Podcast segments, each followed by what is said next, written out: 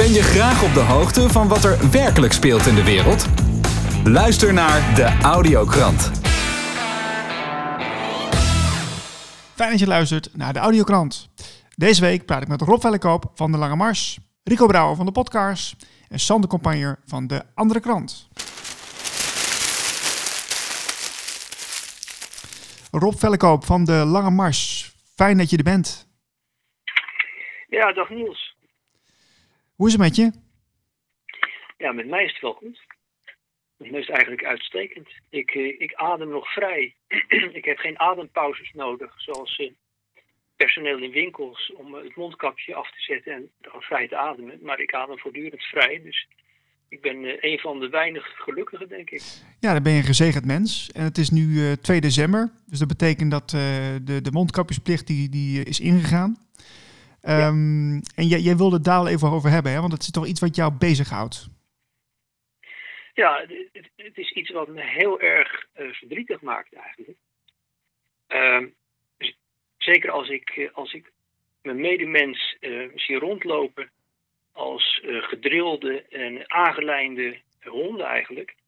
Honden worden ook geleerd zich aan te passen aan de meester die ze, die ze een, een, een, halsketting omgegeven heeft.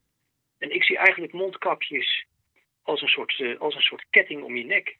Hmm. Ehm, daarbij is het zo dat de overheid een aantal keer toegegeven heeft dat het een gedragsmiddel is.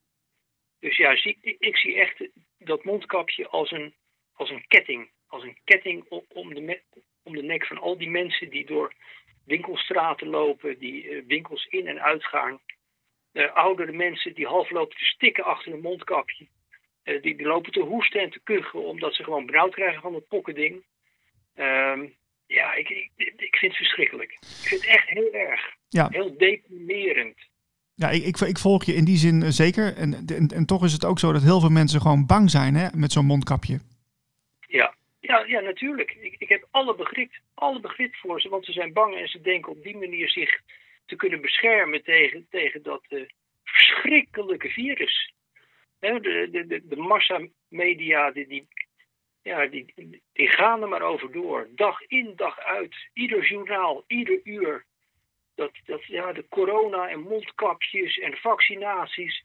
Nou, op een gegeven moment eh, ja, bevinden die mensen zich, zoals een aantal hypnotherapeuten aangegeven heeft, in een soort eh, massahypnose. Ze zitten daarin gevangen. Ze zitten ook gevangen in hun angst. En, Ja. en op het moment dat wij hen daarop aanspreken, ja, dan komen wij van een andere planeet en dan spreken wij een andere taal. En dan, dan, ja, dan, dan voelen ze zich door ons eigenlijk eh, bedreigd. Net zo goed als dat wij hen eigenlijk proberen te redden. Zo voelen zij zich bedreigd door ons.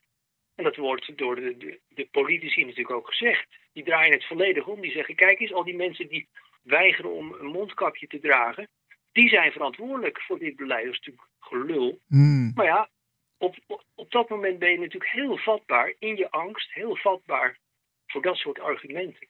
Want je klampt je vast aan een soort geloof in de overheid. Zo van, eh, we kijken iedere dinsdag of woensdag naar de persconferenties van Rutte. Want eh, misschien heeft hij wel weer eh, goed nieuws te brengen. En mogen we één stapje verder, mogen we misschien het mondkapje daar en daar af.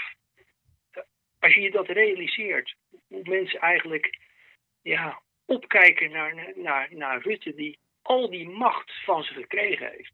Nou, het is gewoon om bang van te worden. Ja, want je, je, je maakt je druk om. Je hebt ook met je, met je website heb je daar wat aandacht aan- besteed. Ehm, eh, kun je vertellen wat, wat, de laatste, ehm, eh, ja, wat de laatste berichtgeving daarover is? Over de mondkapjes en, eh, en de maatregelen? Ja, nou, ik ga bij de laatste berichtgeving natuurlijk niet af op de massamedia, want ja, die herhalen gewoon een, bepaald verhaal dag in dag uit.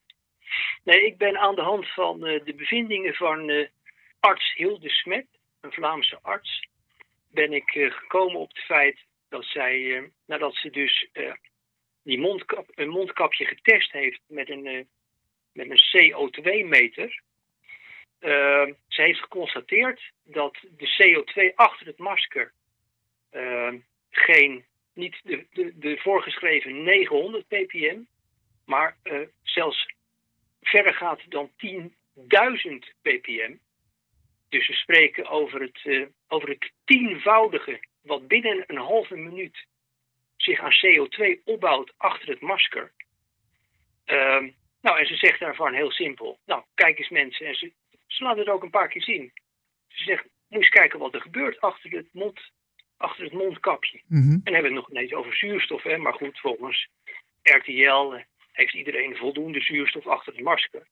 Maar we uh, gewoon kijken naar CO2 en vervolgens uh, de arbeidswetgeving in, in België die eist dat uh, in de werkruimte het ppm niet boven de 900 mag komen. En die is met een mondkapje dus meer dan 10.000. Zo, ja. Dat constateert je dus heel eventjes. Uh, nou, ik ben dat natuurlijk gaan uitspitten. Ik heb ondertussen het FNV gebeld. En gezegd, nou jongens, wat doen jullie hier aan eigenlijk? Want volgens mij is de Arbo-wetgeving bedoeld om werknemers te beschermen. Hè, de zodanige arbeidsomstandigheden te creëren mm-hmm. die, die veilig en gezond voor ze zijn. Maar op deze manier stikken die mensen dus. Hè, moet je je voorstellen dat je de hele dag in een winkel staat. En aan het eind van de dag ben je bijna gestikt in je, in je, in je eigen CO2. Die het tienvoudige ja. na een halve minuut bedraagt van wat die volgens Belgische normen, waarvan ik aanneem dat het ook Nederlandse normen zijn. Uh, ja, maar goed, bij het FNV konden ze daar niet, uh, ja, konden ze dat niet bevestigen, want zeiden ze ja, daar, uh, daar is niet iedereen het over eens. Waarop ik zei, ja, dat, maar dat is toch normaal? Normaal gesproken als vakbond uh, kom je toch altijd met dingen naar voren waar allerlei mensen het niet over eens zijn. Dat Ja. is namelijk jouw rol. Jij Ja, moet ervoor zorgen dat jouw werknemers beschermd zijn. En als iedereen het daar niet mee eens is, dat is dan jammer. En als, het, als je helemaal geen overeenstemming bereikt, dan staken jullie toch? Jullie komen toch in actie? Ja, nou, dat, dat was wel allemaal een beetje, een beetje te hoor. Nee, nee, nee, dat zullen we nog wel eens bekijken en stuur het filmpje nog maar eens op van die arts. Hmm. Nou, dat is dus de, de, de matte reactie die je krijgt van de vakbond. Ja, maar wat ik hoor eh, bij jou Rob, is, is eh, er is niet echt bereidwilligheid eh, bij het FNV om, eh, om A, onderzoek te doen en B, ook daar nog eens een keer een actie op uit te, te richten. Eh, dus dus eh, dat vind ik wel verbijsterend eerlijk gezegd. Nou, ja, ik ook. Ik vind het ook heel verbijsterend, zeker. En ik ben eh, zelf FNV-lid. Dus eh, in die hoedanigheid heb ik ook gebeld. Nou, ik kan nou niet bepaald zeggen dat mijn belangen, eh, dat ik voel dat mijn be- belangen behartigd worden. Sterker nog, helemaal niet. Nee. Nee, eh, misschien heb je ook dat filmpje wel gezien van, eh, van eh, de Black Box van Fla- Flavio Paschino. Die heeft er heel veel aandacht aan besteed, aan, aan die maatregelen. Ook een PCR-test. Ja. Ehm, vind jij niet bijzonder dat, dat de mainstream media helemaal niks doet met dit soort informatie? Nou nee, ik vind dat niet bijzonder, want het past niet in hun verhaal. Eh, hun verhaal is, iedere dag komen er meer besmettingen. Eh, ja, ze gaan er helemaal aan voorbij dat, dat, dat, al, dat die besmettingen tussen haakjes, in feite alleen maar positief geteste mensen zijn met die PCR-test. Ze gaan er helemaal aan voorbij dat die hele PCR-test rammelt aan alle kanten. Dat kunnen ze ook niet doen, want vanaf dat moment is, is iedere dag berichtgeving van hun, dag in dag uit, uur in de uur uit, is gewoon een lachertje. Dat is je reinste fake nieuws. Dus ja, daar kunnen ze natuurlijk moeilijk in meegaan. Ja, oké. Weet je. Ja, dus, dus eh, het is gewoon een hele krankzinnige situatie waar we in zitten. Dat ze gewoon een eigen tunnelvisie willen aanhouden en, eh, en eh, eigenlijk het, het regeringsbeleid beleid uitvoeren. Ja, nou ja, het, kijk, aan de ene kant hebben we dus de, de massa-hypnose van de bevolking. En aan de andere kant hebben we de, massa, eh, hebben die hypnose van de massamedia. Die, die in een soort eh, tunnel gevangen zitten om maar iedere dag ehm, ja, die coronamaatregelen te laten aanscherpen. Ja, dit, ze vinden het natuurlijk geweldig, want ze, krijgen wel erg veel aandacht op die manier. Ja. Het is erg negatief nieuws. Erg negatief nieuws, dat trekt erg veel aandacht. En daar zitten ze als, ook als gehypnotiseerd in. Kan het bijna niet anders stellen. Het is alleen zo jammer dat dan eh, al die miljoenen eh, Nederlanders ja, een hele ongelukkige kerst daardoor tegemoet gaan. Waar- waar- Waarbij maar een paar mensen op bezoek mogen komen. Ja, dat is, is natuurlijk van de zotte werkelijk. Ja. Je vertelde mij dat je be- bezig bent met een artikel eh, hierover. Wanneer kunnen we die lezen? Ik denk morgen. Morgen. DLM Plus, hè? De Lange Mars. Ja, helemaal. Nog steeds. Al tien jaar. Al Ja, tien jaar. Zeker. Rob, dankjewel voor je tijd en eh, we blijven je volgen. Ja, graag gedaan Niels. En eh, we spreken elkaar. Eh, Rico Brouwer, welkom in de show. Ja, nou, dankjewel dat je me weer uitnodigt. Maar Ja, altijd leuk om je te horen. Je hebt een, een eigen podcast, eh, de, de, de Podkaars heet dat. zo, ja, zo is dat. Nou, het is wel zo, podcast, zo zeg ik dat dan, die zit nu in de gevangenis van YouTube. Dus ik mag twee weken niet, eh, niet uploaden. Ik heb, eh, ik, ik heb eh, mensen aan het woord gelaten die kritisch zijn over mondmaskers. Ja, en als je dat doet, dat is tegen de World Health Organization, dan gooi je, gooi je ze in het schavot. Ja. En met een proeftijd tot 25 februari. Dus uploaden naar YouTube is voor Rico niet zo handig momenteel. Oké, Maar verder gaat podcast leuk. leuk, leuk. Goed, goed voor de luisteraar om te weten als ze naar jouw kanaal zoeken. Ehm, ja, wa- wat is jouw nieuws van de week? Ja, nieuws van de week. Nou, het, het begint natuurlijk met die mondmaskers, maar ja, da- daar hoor je ook andere mensen over, over spreken. Maar voor mij valt dat eh, in een serie dingen. Er zijn drie onderwerpen aan de hand. Eén is die coronatest. Nou ja, dat, hè, dat raakt iedereen. En een hoop mensen zijn ook, zijn ook getest. De coronatest is gebaseerd op een, op, ja, een beetje ingewikkeld, op de PCR-methode. Mhm. En ehm, ja, dat weet dan bijna weer niemand. Daar is wat over te doen. Maar dat, dat is dus een van die drie onderwerpen. Het, het andere onderwerp is, eh, is mondkapjes. En ehm, oh, ondertussen gaat hier een hond af. Oh jee, Ogenblikje hoor. ja hoor. Ja, het is allemaal live hè, dus dan krijg je dat. Sorry, hoor. Dus eh, je hebt die, eh, die PCR-test, je hebt mondkapjes. Nou, daar zit ook, dat, dat, dat raakt ook iedereen. Waar we het nog niet genoeg over gehad hebben, maar wat in de lucht hangt, is ja, vaccinatie. En je hoort Hugo de Jonge zeggen van, nou, ik, ik, ik heb al mijn hopen daarop. Dat, dat is de enige oplossing. En je hoort Mark Rutte zeggen, joh, heb ik eigenlijk nog nooit over nagedacht of het veilig is of niet. Die drie dingen liggen voor mij in het verlengde van elkaar. Ja, nou, mondkapjes, daar heb ik dus een interview over gedaan. Ik geloof niet zo in het nut van die dingen. En het wordt ook gezegd, het is meer een gedragsexperiment. Die test, die coronatest, daar wou ik iets over zeggen. Die is in januari ontworpen door een groepje mensen die het meteen in hun eigen tijdschrift hebben gepubliceerd. De dag daarna gewoon. Ja, En ehm, die test, dat is broddelwerk. En dat zeg ik niet omdat ik wetenschapper ben, maar omdat een internationale groep van 20 wetenschappers zeer zorgvuldig naar dat ontwerp van die coronatest hebben gekeken en hebben ge- gezegd: deze 10 punten kloppen niet. Ja, in m- mijn woorden, eh, broddelwerk. Je kan ook zeggen fraude, ja misleiding. S- Ja, dus eh, nou, daar hebben zij een, ehm, een eh, dat hebben ze ingediend. Van, joh, die test moet, eh, dat ontwerp klopt niet. We hebben geen coronatest. En als je die niet hebt, heb je dus ook geen eh, argument onder die mondkapjesplicht. Nee, maar Eigenlijk het waarom is het dan broddelwerk? Kun je, dat- kun je dat uitleggen of wordt het heel te, eh, heel te technisch?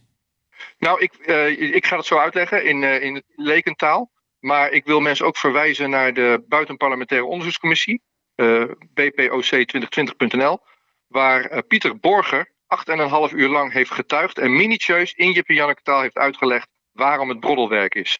En, en hij is specialist op dit vakgebied en een van de auteurs van de Retraction Paper. En ehm, ja, eh, kort gezegd, er wordt wel iets, iets aangetoond, maar wat, wat, wat Borger zegt is, stel je bent ergens en je vindt een, een stuurwiel en je vindt een wieldop. En allebei is van het merk Mercedes. Nou, dat is een beetje die test zoals die nu gedaan wordt met de coronatest. Je hebt een, een stuurwiel gevonden en een wieldop. En dan zeggen ze, ah kijk, het nieuwe coronavirus.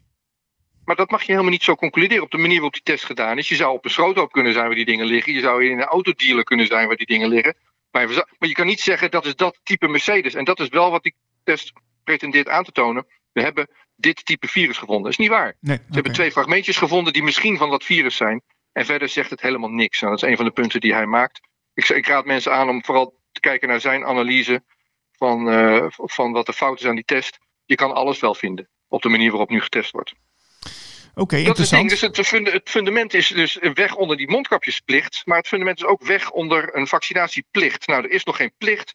Maar dat is, hangt wel in de lucht. En eh, Hugo de Jonge heeft vaccinatiepaspoorten aangeschaft. En je zou kunnen zeggen. Ja, wat staat er dan in zo'n paspoort? Nou, nu mag je niet het land uit met een vliegtuig als je geen mondkapje op hebt. Eh, straks mag je het land niet uit als je niet kan aantonen dat je getest bent of gevaccineerd bent. En ja, hoe, hoe, hoe gaat het verder? Ik kan nu geen boodschappen doen zonder mondkapje.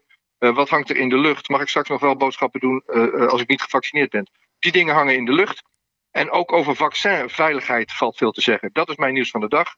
Ik heb gisteren een interview gemaakt met Frank Rusink. Frank heeft een, uh, een zoontje die in 2005 is gevaccineerd. Mm En ja, hij zag het kind bijna doodgaan in zijn handen. Dit had een hele slechte reactie daarop. En dat triggerde hem Zo. in... Oh, wacht eventjes. Uh, vaccins zijn misschien niet zo veilig. Werd hij verder geen activist van. Uh, ja, iedereen moet zelf maar weten of hij vaccineert. Totdat hij Klaas Dijkhoff van de VVD hoorde zeggen... Jongens, vaccins zijn gewoon hartstikke veilig. En je bent gewoon een slechte vader als je kinderen niet vaccineert. En by the way, we overwegen een vaccinatieplicht. Wow, dat zei, ja. de, zei de VVD uh, bij monden van Dijkhoff in 2019. Dat triggerde Frank om activist te worden. En hij zei: Dijkhoff, kan je mij laten zien dat het vaccin veilig is en dat die dekkingsgraad nodig is? En Dijkhoff zegt: Ja, dat ga ik je laten zien.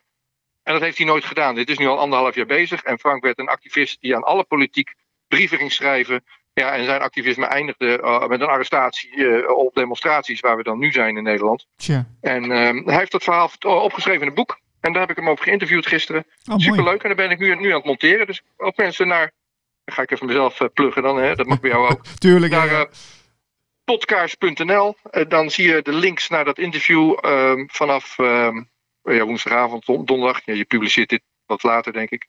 Alleen ja, ja even, even, niet op YouTube, maar wel op alle andere kanalen nieuws. Nee, nee precies. Hartstikke leuk. En ik, uh, ik ben ook heel benieuwd naar het interview. Want ik, uh, Frank Rusink, uh, die ken ik ook. Ik ken hem niet persoonlijk, maar ik heb zijn filmpjes wel eens gezien.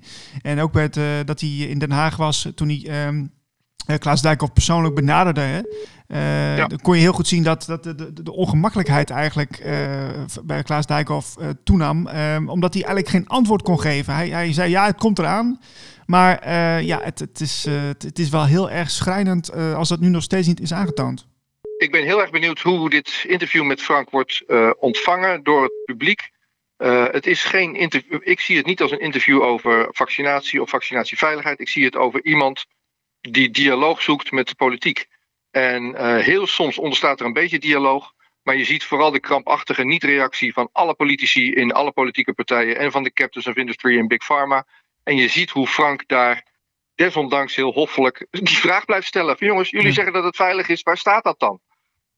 Ja, en dat is een leuk interview geworden. Ik- Het is bijna, bijna online. Oh, tof. Leuk, leuk.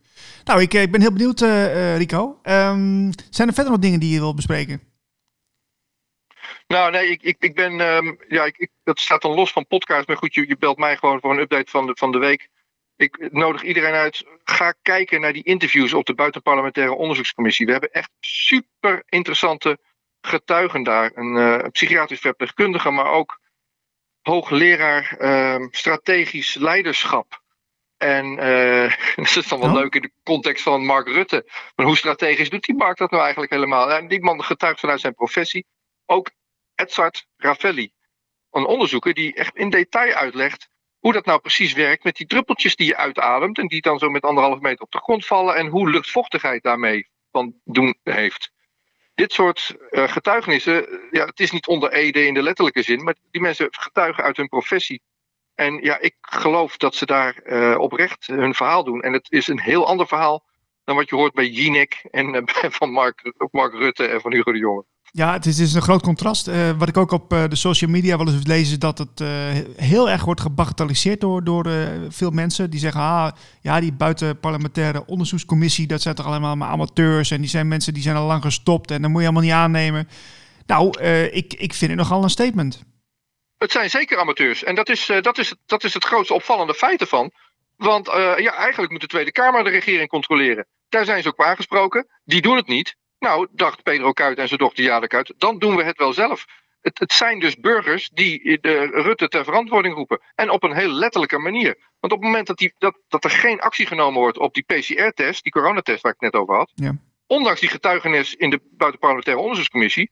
Nou, dan, dan, dan, eh, dan bellen we morgen, eh, volgende week weer met elkaar, eh, Niels. Want dan, dan heb ik wel weer wat te melden waarschijnlijk. Ja, maar wa- wat nou als, als het niet serieus genomen wordt? Hè? Ze dienen dit nou in zometeen en dan, dan doet de politiek er niks mee. Ik sluit het niet uit.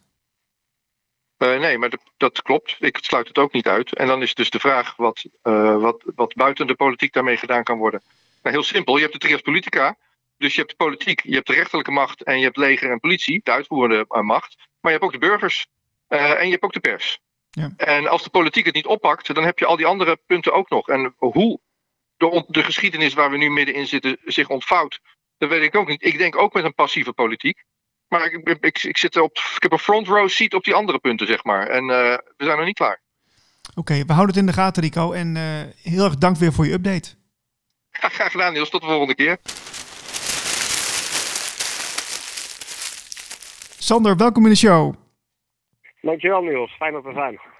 Je bent uh, betrokken bij de andere krant. En jij ja, je, je, maakt natuurlijk ontzettend veel mee met jouw manier van, van het, het nieuws verslaan en het maken van de krant. Um, ik, ben, ik ben heel benieuwd wat je nou bezighoudt op dit moment. Nou ja, mezelf staande houden in een wereld die gek geworden is. Ja, het is um, heel druk met de krant. En, uh, maar ook wel proberen om een beetje te dealen met uh, de wereld waarin we ondertussen beland zijn. Hè? Ik ben tot nu toe vijf winkels zonder mondkapje uh, ben ik binnengedrongen, zonder problemen. Zonder okay. grote problemen. Maar het is wel, het is wel pure waanzin geworden is heel druk en blij dat ik iets om handen heb wat uh, structuur geeft en wat nou ja, als hopelijk werkt aan de lange termijn oplossing. Maar het is wel een uh, ja, bijzondere tijd. Ja, ja, nee, ja nee, absoluut. Het is, uh, het is voor heel veel mensen heel lastig. En, en hoe, hoe ga je daar persoonlijk mee om? Nou ja, het is, um, je wordt er continu mee geconfronteerd. Ik denk dat maakt het voor iedereen lastig. Kijk, de mensen die beter geïnformeerd zijn, die naar dit radiostation luisteren, die de kranten lezen, die zo breed informeren, die weten natuurlijk dat de maatregelen geen enkele grond in de realiteit hebben. Als het gaat over een PCR-test, als het gaat over mondkapjes, maar ook als het gaat over de hele samenleving die de vernielingen wordt geholpen om niks. En dat weten dat er nergens over gaat, maar er wel iedere dag mee geconfronteerd worden en het iedere dag zien gebeuren, dat is gewoon, uh, nou ja, een intense ervaring ondertussen aan het worden. Ja. En ik denk dat dat voor heel veel mensen die ik spreek en uh, ook die ik, die ik meemaak hierover, dat dat gewoon echt wel een, uh, en ja, iets heftigs is. Ja, precies. En daarom is het denk ik ook goed dat we toewerken naar oplossingen. Want uh, daar ben je ook druk mee, mee bezig met, met de nieuwe editie. Um, want kun, je, kun je daar al iets meer over vertellen? Want we hebben de vorige keer wel even aangestipt, maar hoe, hoe ver ben je daarmee?